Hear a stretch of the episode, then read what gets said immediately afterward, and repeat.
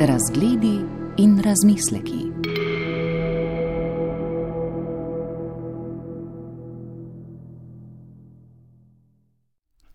Drage poslušalke in dragi poslušalci, lepo vas pozdravljam. V oddaji boste nastopili dve gosti. Prva bo Ilinka Todorovski, nekdanja varuhinja pravic gledalcev in poslušalcev, druga gostja bo Marica Uršič Zupan, sedanja varuhinja pravic gledalcev in poslušalcev. Z njima sem pogovarjal Marko Golja.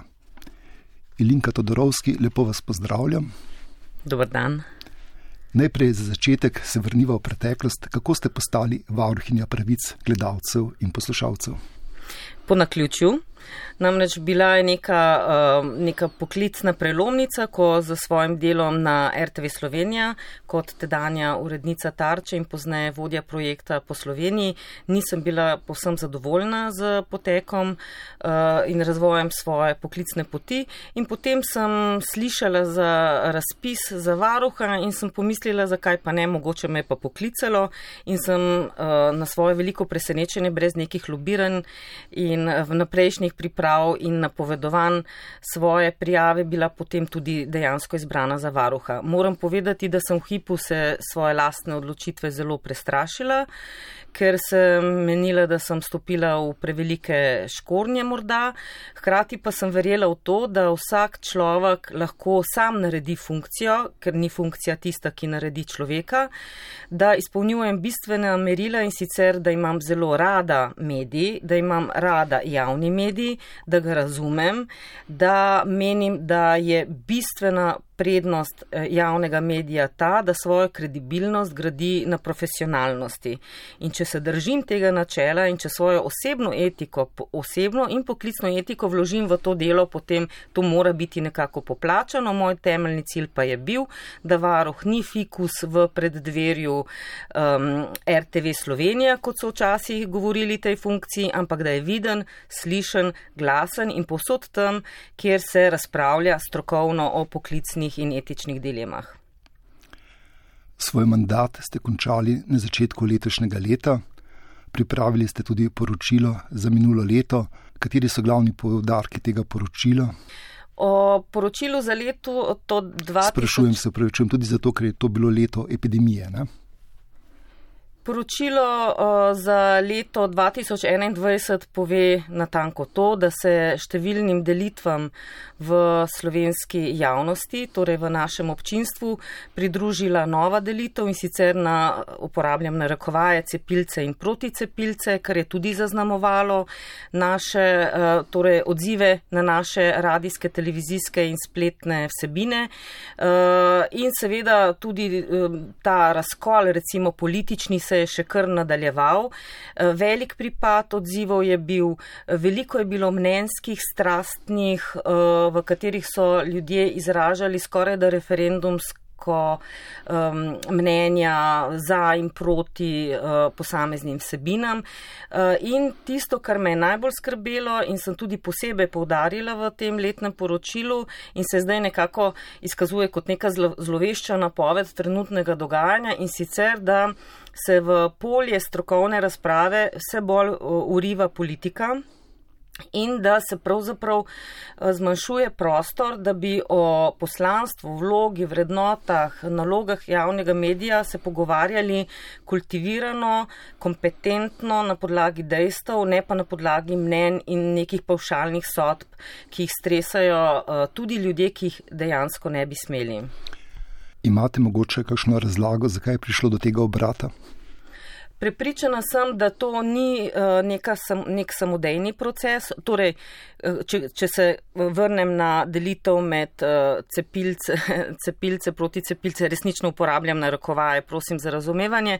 Tukaj seveda neke posebne razlage najbrž niso potrebne, se je šlo za neko odslikavanje družbenega fenomena in razpoloženja, za neko to paleto razpoložen, v, katere, v kateri se znašla družba ob tem res hudem, hudem družbenem preobratu in nekem uh, pojavu. Uh, Pričemer mislim, da je RTV Slovenija tukaj tudi um, do določene mere mo, bi morala prevzeti odgovornost za to, da je morda preve, premalo razumela to celotno Maurico, ta diapazon občuten med um, državljani in je morda preveč schematsko tudi uh, posredovala informacije, ki so potem tudi spodbujale to za in proti razpoloženje, ampak to je recimo stvar neke širše debate, sociološke in tako naprej. Drugo vprašanje pa je ta, ta politična delitev, ta, ta razklanost, ne se pravi, aha, uh, jaz sem z te političnega, z tega jaz eh, osebno podpiram ta politični pol in imam o javnem mediju takšno mnenje ali obratno ta neka politična razklanost ali pa recimo to skoraj da referendumsko razpravljanje o tem um, oddaja je bila slaba, dobra, za nič uh, odlična in tako skoraj izrekanje ali podpiranje javnega medija, nasprotovanje ali uh, recimo uh, RTV prispevek da ali ne. Tukaj pa uh, lahko mislim, da kar z neko veliko gotovostjo zatrdim, da je bilo to v veliki meri tudi spodbujeno od zunaj.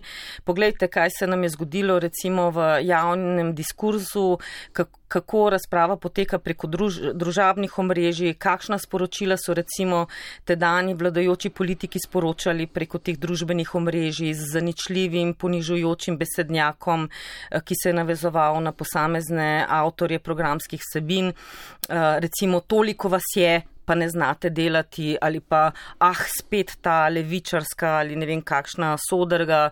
In te stvari niso zapisovali, objavljali in izrekali ljudje, ki nimajo družbenega vpliva, ampak prav nasprotno ljudje, ki se zavedajo svoje moči v javnosti in potem to tudi zlorabljajo za, za to, da nabirajo neke politične točke.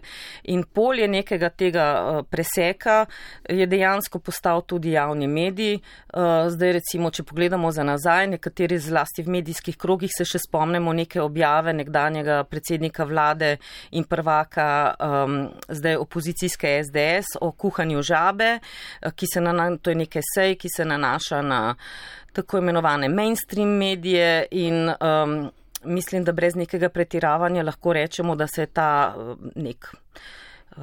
Ta neka ideja, zapisana v tem eseju, začela uresničevati v lanskem letu, v letošnjem letu pa dobiva to, eh, ta nov obraz. In če sem recimo kot glavni poudarek v, letu, v letnem poročilu za lansko leto napisala, nauk leta 2021 bi moral biti, da je treba obraniti ločnico med strokovno in politično razpravo, to je citat iz mojega poročila, mislim, da se je to eh, letos res izkazalo kot, kot neka mogoče najbolj najbolj akutna točka, ki bo verjetno enega od vrhuncev dosegla uh, letos jeseni, če bomo doživeli referendum, ki se ga napoveduje. V tem trenutku pa nimam še informacij, ali je zbranih dovolj podpisov znan ali ne. Ilinka Todorovski, smo v studiu na programu Ars. In zanima me, ali se program Ars pojavlja v vašem poročilu za lansko leto. V kakšnem kontekstu morda? Odzivi na program ARS so redki, kako so tudi nasploh odzivi na radijske programe, uh, zato ker je v ospredju in tudi to mislim, da je nekako generirano in spodbujeno od zune, so odzivi zlasti te srditi najpogostejši, ko gre za vsebine uh, uh, televizije in še posebej informativnega programa. Pri ARS-u se spomnim, da so bile neke posamezne zadeve, recimo povezane bolj z Eh, z predvajanjem, z, z neko razporeditvijo programskih vsebin, avtomatizacijo predvajanja. Eh, Veliko krat se eh, program ARS tudi omenja kot nek program, ki je specializiran in kot neka posebna dragocenost javnega medija, takrat, ko nekdo čuti, da mora preden kritizira še kaj pohvaliti. Recimo, to je nek sestavni del. Nekdo recimo čuti, da mora začeti pritožbo tako, da reče: pohvalim dokumentarce na televiziji, pohvalim, pohvalim kulturo govora, pohvalim eh, program Ars, kritiziram pa. V poročilu, iz katerega ste citirali malo prej, bi tudi jaz citiral neko vašo misel. Gre takole: Varuh svoje delo dobro opravlja, če si ne dovoli narekovati in se ne pusti ustrahovati. Zakaj ste napisali to misel, kaj vas je spodbudilo, ste se pustili ustrahovati? Zagotovo ne. Uh, je pa veliko krat težko, ker si uh, med, uh, ne samo med dvema poloma, nisi samo nekak tampon cona, bom rekla, med občinstvom in programskimi ustvarjalci, ampak je teh front veliko. Vedno moraš iskati to neko ravnovesje med različnimi interesi, poskusi pa seveda so z različnih koncev, zato da bi kakšno stvar pometla pod preprogo, radikalizirala in jo predstavila na način, da bi imelo neke konsekvence. Eh, veliko krat se je pojavilo to neko napačno pričakovanje, da je varuh tisti, ki bo izrekel neko sodbo, mnenje in bo ta eh, sodba ali mnenje podlaga za neko sankcijo, da bodo zdaj, kar, ne vem, recimo novinari in glasbeni uredniki leteli iz te hiše, zato ker niso komu po volji. To seveda absolutno varuhova naloga ni. Je pa seveda varuhova naloga ta, da si uh, zagotovi prostor in to lastno avtonomijo, da vedno znova zagovarja vrednote javnega medija. Tisto, kar je naloga varuha, ni se postavljati v bran parcialnim interesom in posameznim mnenjem in pričakovanjem, ampak je treba vsako priložnost, ki jo ima, izkoristiti za javni govor, za javno pojasnjevanje, kaj javni medij je, kaj so poklicno dobre ali slabe izbire. To je naloga.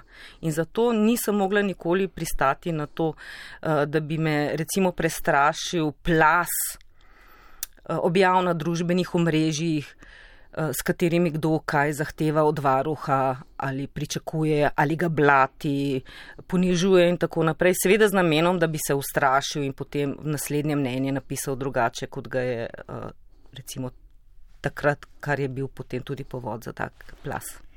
Upravljali ste delo varuha. Ampak marsikdo je v tem poročilu, ki ste ga objavili, omenil tudi problem spolne enakopravnosti. Ali ste se mogoče prizadevali tudi za spremembo naziva delovnega mesta? Nisem zato, ker ga štejem kot eh, tak eh, formalističen naslov, se pa sama vedno tudi poimenujem varuhinja, eh, kadar se poimenujem kot, zdaj, kot nekdanja. Ne, mislim, da je čisto v redu, če nek formalni naslov takšen, lahko bi bil tudi drugačen, sama mislim, da je vsebinsko veliko pomembnejše, kakor formalno. Po upravljenem petletnem mandatu varuhinje, varuha, na kaj ste ponosni? Oh, ponosna sem na to, da sem uh, spoznala resnično vsak kotiček RTV Slovenija do obisti in da lahko zdaj s polno samozavestjo in um, uh, nekim občutkom uh, navdušenja govorim o tem, kako zelo pomemben je javni medij. Seveda, tudi z veliko samo kritike, kaj vse bi bilo treba spremeniti. Ponosna sem, da sem z več tisoč um, gledalci, poslušalci, bravci imela priložnost govoriti, si dopisovati in da sem uspela uh, pojasnjevati, kaj so poklicna merila, kaj so poklicni standardi, kaj je dober medij in zakaj je tako pomembno, da javni medij imamo. Ilinka Todorovski, hvala vam za upravljeno delo in hvala za pogovor. Hvala za povabilo.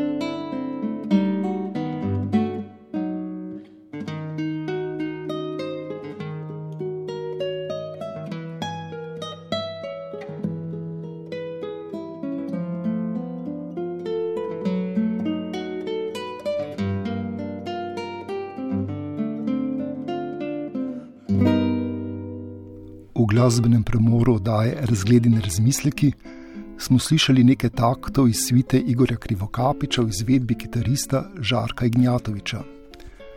Med glasbenim premorom se mi je pridružila v studiu Marica Uršič Zupan, varuhinja pravic gledalcev in poslušalcev. Marica Uršič Zupan, lepo vas pozdravljam. Dobro dan vam in vsem poslušalcem. Kako ste postali varuhinja? V bistvu po nekako spletu na ključi. Dolgo leta sem bila novinarka in urednica na primorskih novicah, skoraj 30 let, prej tudi sicer na televiziji Koper, pa na teletekstu, tam se je začela moja novinarska pot pravzaprav v Ljubljani.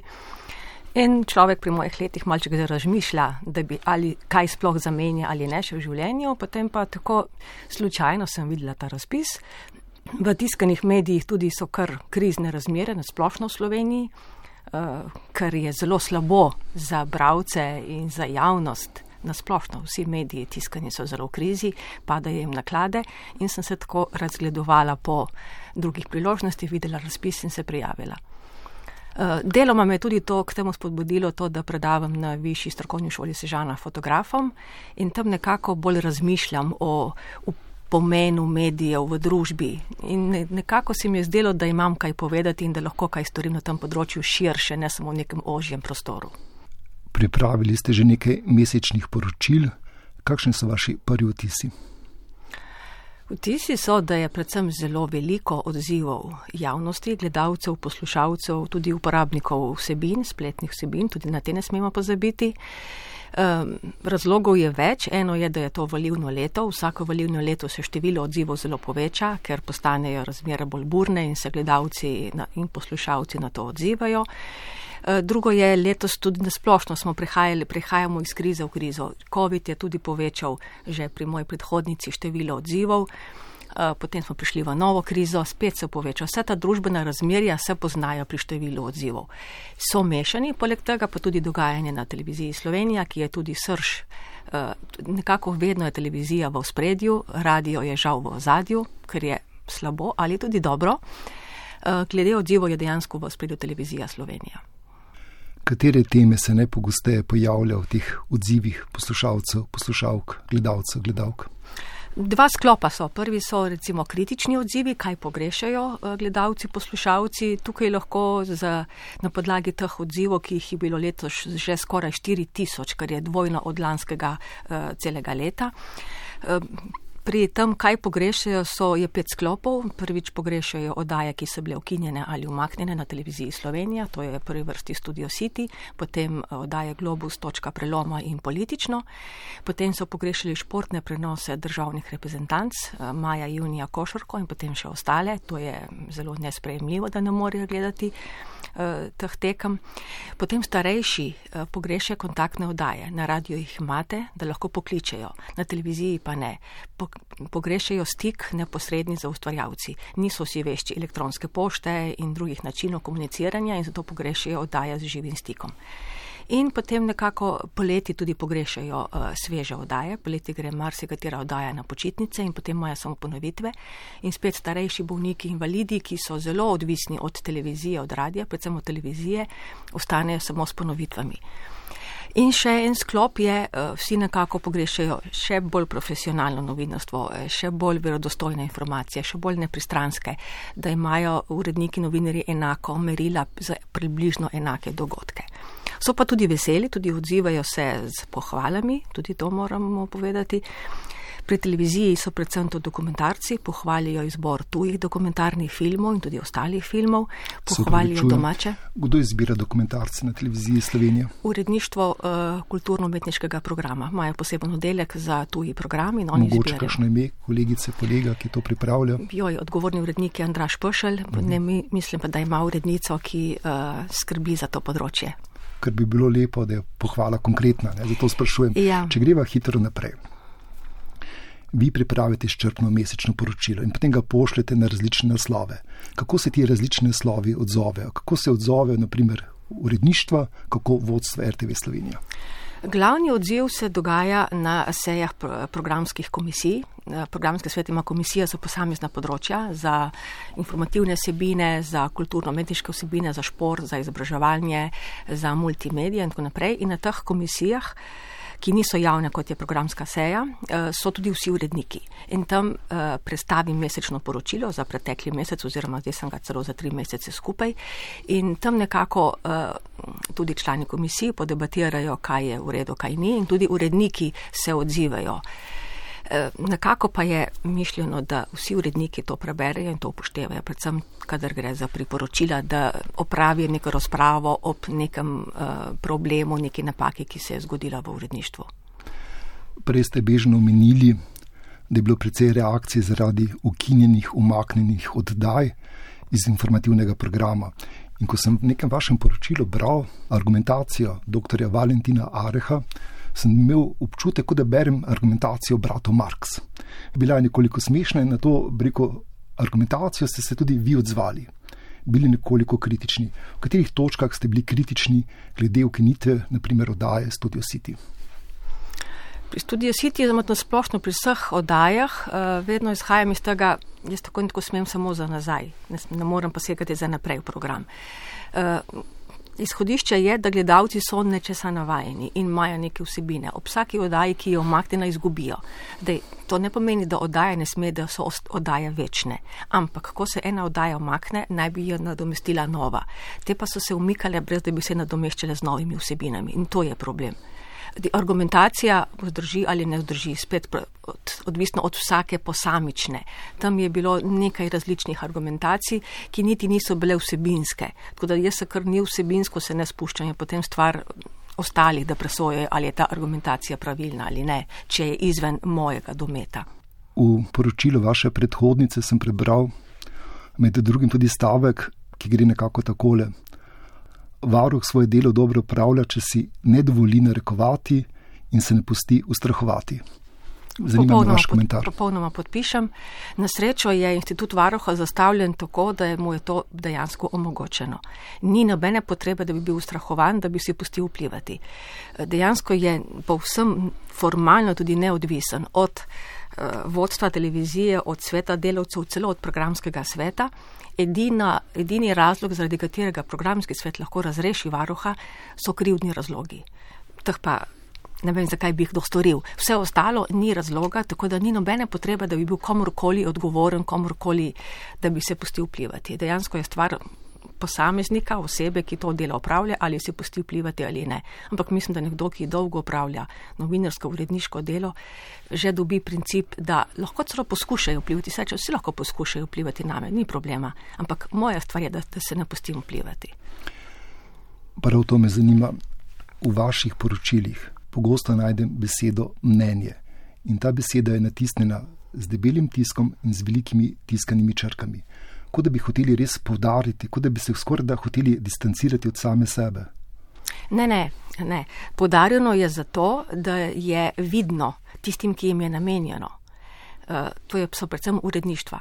Mnenje je podarjeno zato, da to ni samo obdelava namenjena uh, poslušalcem, bravcem, gledalcem, ampak uredništvom. In to mnenje ne bi bilo zavezujoče ni zavezajoče, zato ker vse, kar varuh uh, napiše, so mnenja in priporočila. Podarjeno so pa prav zato, da jih tisti, ki jim namenjeno ne spregledajo, da jih preberejo, se o njih pogovorijo in spremenijo, če so kaj naredili narobe.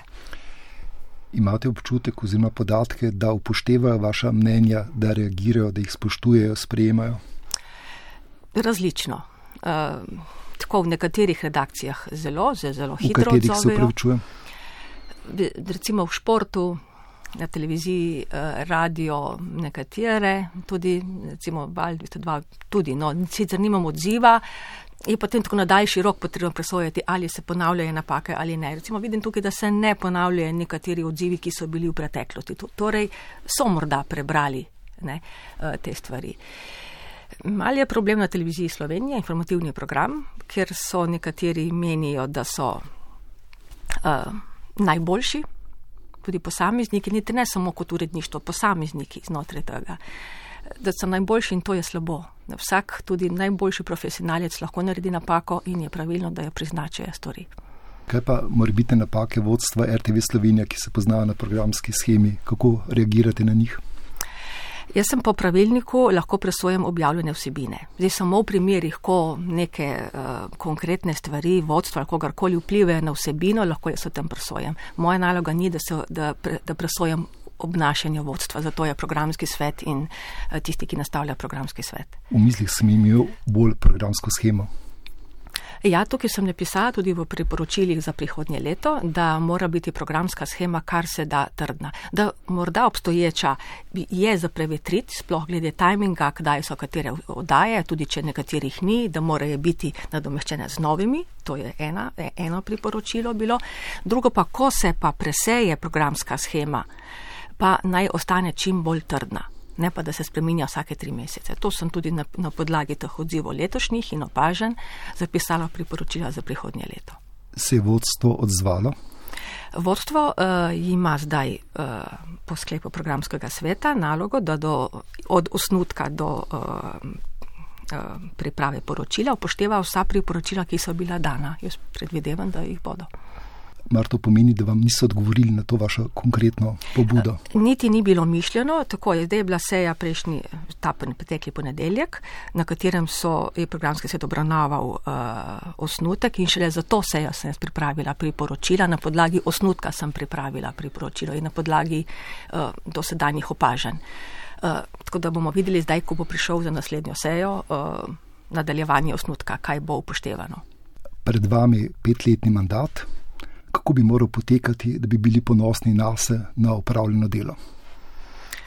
Če bo uh, toliko odzivov, kot jih je bilo do sedaj, uh, je bo največji izziv, kako se spopasti s tem velikim številom, ker gledalci, poslušalci pričakujejo osebni odziv varuha. Tudi dejansko je marsikaj potrebno premisliti in osebno odgovoriti. Imam eno, eno strokovno sodelovko, ki opravi te bolj recimo, strokovne stvari, eh, papirniške, zabeleži, naredi registr, ker tudi to je poseben postopek. Vsi odzivi so zabeleženi, arhivirani in tako naprej, anonimizirani.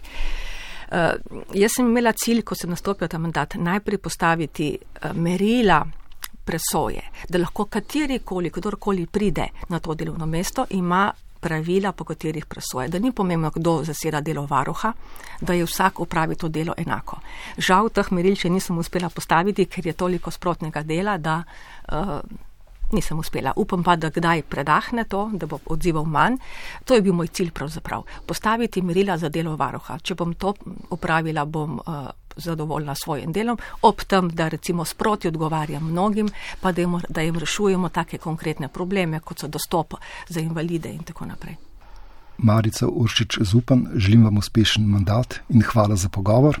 Hvala tudi vam in lepo zdrav vsem poslušalcem. Tudi vam, dragi poslušalke in dragi poslušalci, hvala za vašo pozornost. Odajo so pripravila Vojko Kukot in Marko Golja. Razgledi in razmisleki.